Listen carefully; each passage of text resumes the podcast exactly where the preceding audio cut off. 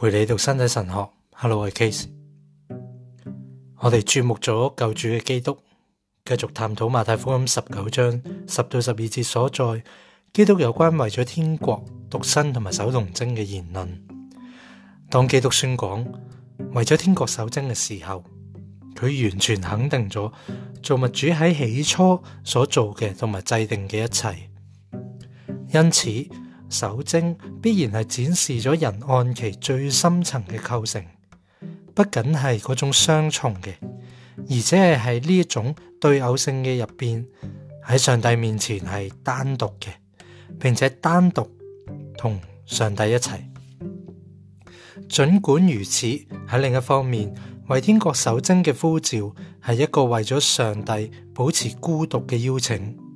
既重视人性嘅双重性啊，亦即系佢嘅男性同埋女性特质啦，亦都重视维格特有嘅存在模式嗰种嘅共融向度。如果按住基督嘅话，充分领会为天国守贞嘅呼召，并跟随呢个呼召，将会保有真正整全嘅人性。喺呢个过程入边，看上帝嘅肖像同埋模样。受造嘅人呢，唔会失去佢嘅呼召嘅任何要素。为咗呢个概念本身而言，更好咁样讲，为守贞嘅理想而言，人就系为咗基督嘅教导入边崭新嘅客观内容而言呢？呢一点系非常重要嘅。为实现呢个理想，嗰个就系话，为咗使人出于完全正当嘅动机而作出具体嘅决定。为咗天国独身或者守童贞，套用基督嘅话咧，就系自阉啦。呢一点咧系同样重要嘅。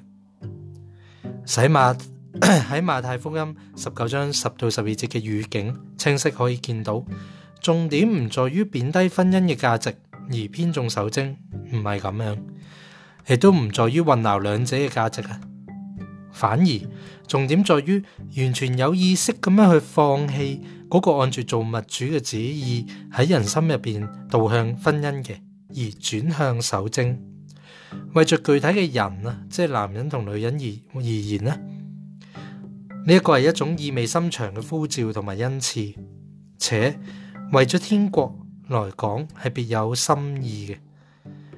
基督嘅话先去述说人嘅境况嘅整个现实，并藉住同样嘅现实。去引领佢离开呢个境况，跟随一个新嘅呼召，亦即系话，虽然人按住佢嘅本性，依然系喺对偶嘅存在嚟嘅，亦即系男人会朝向女人啦，女人朝向男人一种咁样嘅对偶嘅存在嘅存有啊，即系 B 型啦。且每一个人嘅对偶性咧，入边一直都带有孤独呢一个具有维格特性嘅向度嘅。即系独个儿啊，即系个个体啊，唔会一个孤独嘅位格，个体嘅位格，独个儿嘅位格。但系藉住手精嘅呼召，佢能够以全新嘅方式喺自身嘅孤独入边，发觉全身同埋更圆满嘅共融。嗰个系同其他众人达成嘅主体，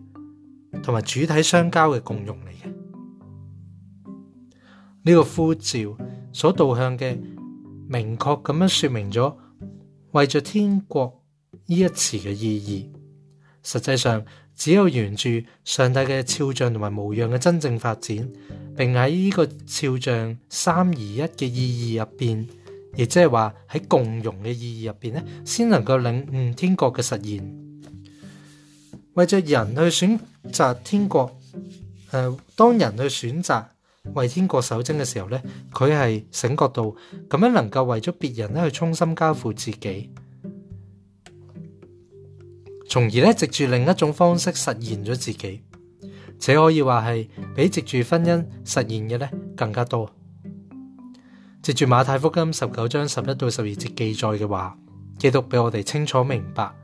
朝向为天国守贞嘅暴理系伴随住自愿舍弃婚姻嘅。喺婚姻呢一種生活方式入边，男人同埋女人按住做物主喺起初所賦予男女結合唯一嘅意義咧，藉住佢哋嘅男性同女性特質，並藉住身體嘅結合，彼此咧成為對方嘅禮物。守贞就係指有意識同埋自愿咁樣去舍棄呢一種結合，以及。喺人性生命同埋共同生活嘅整个向度入边咧，所有同呢种结合嘅相关一切都舍弃咗。舍弃婚姻嘅人都会舍弃咗生育，而生育系由父母子女组成嘅家庭嘅基础。我哋引述嘅基督言论虽然冇详细嘅详述过细节，但系无疑指出指出咗呢一种舍弃涵盖嘅一切。再者，基督。讲呢番话嘅方式，使我哋得以假设基督系明白呢一种舍弃嘅重要性嘅，而且佢并非仅系按照当时犹太社会就住呢个课题嘅主流意见去作出理解。基督系按住婚姻同埋家庭本身所构成嘅善而理解呢一种舍弃嘅重要性，亦即系话婚姻同埋家庭系上帝建立嘅，因此咧，佢本身系善嘅。基督自己称呢一种舍弃系为咗天国嘅，藉住佢说话嘅方式，基督使我哋明白到咁样嘅放弃呢个善嘅领域，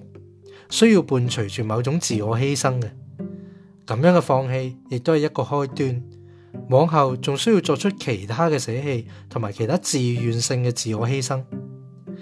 为咗一生贯彻始终咁样实行呢个首要同埋基本嘅抉择，呢啲都系不可缺少嘅。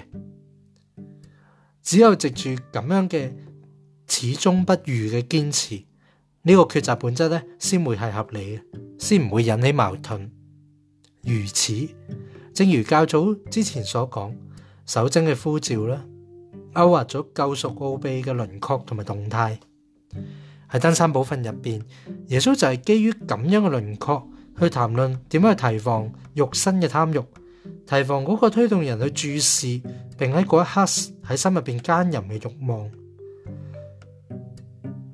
喺马太福音记载言论嘅字里行间，我哋可以发现同一嘅人学同埋同一嘅道德意义。至愿为天国守贞嘅邀请，扩大咗呢个道德意义嘅大 m e n s i o n 亦即系话我哋从山中诶登山宝训嘅言论揾到救恩历史。入边嘅人嘅人學喺有關自愿守贞嘅言論入边呢，所述嘅基本上面依然都系同一個人學，一樣答緊乜嘢係人，但系嗰個係從天国嘅角度去解釋嘅，同時亦都係未來復活嘅人學。儘管如此，喺世上生活嘅自愿选择守贞嘅旅途上面。复活人学唔会取代咗救恩历史入边嘅人嘅人学嘅，正系呢个救恩历史入边嘅人身上面同时存有所继承嘅三种贪欲，所继承嘅罪，仲有所继承嘅救赎。正系呢个人作出为咗天国守贞嘅决定，喺作呢个决定嘅时候，佢自己嘅人性嘅罪性咧，必须降服于肉身救赎嘅奥秘所散发嘅力量，佢必须咁样做嘅。嗰啲唔选择守贞而依然选择婚姻嘅人，其实都要咁样做。当中嘅分别只系在于就所选嘅线应负上唔同嘅责任，因为所选择嘅线呢系唔同嘅。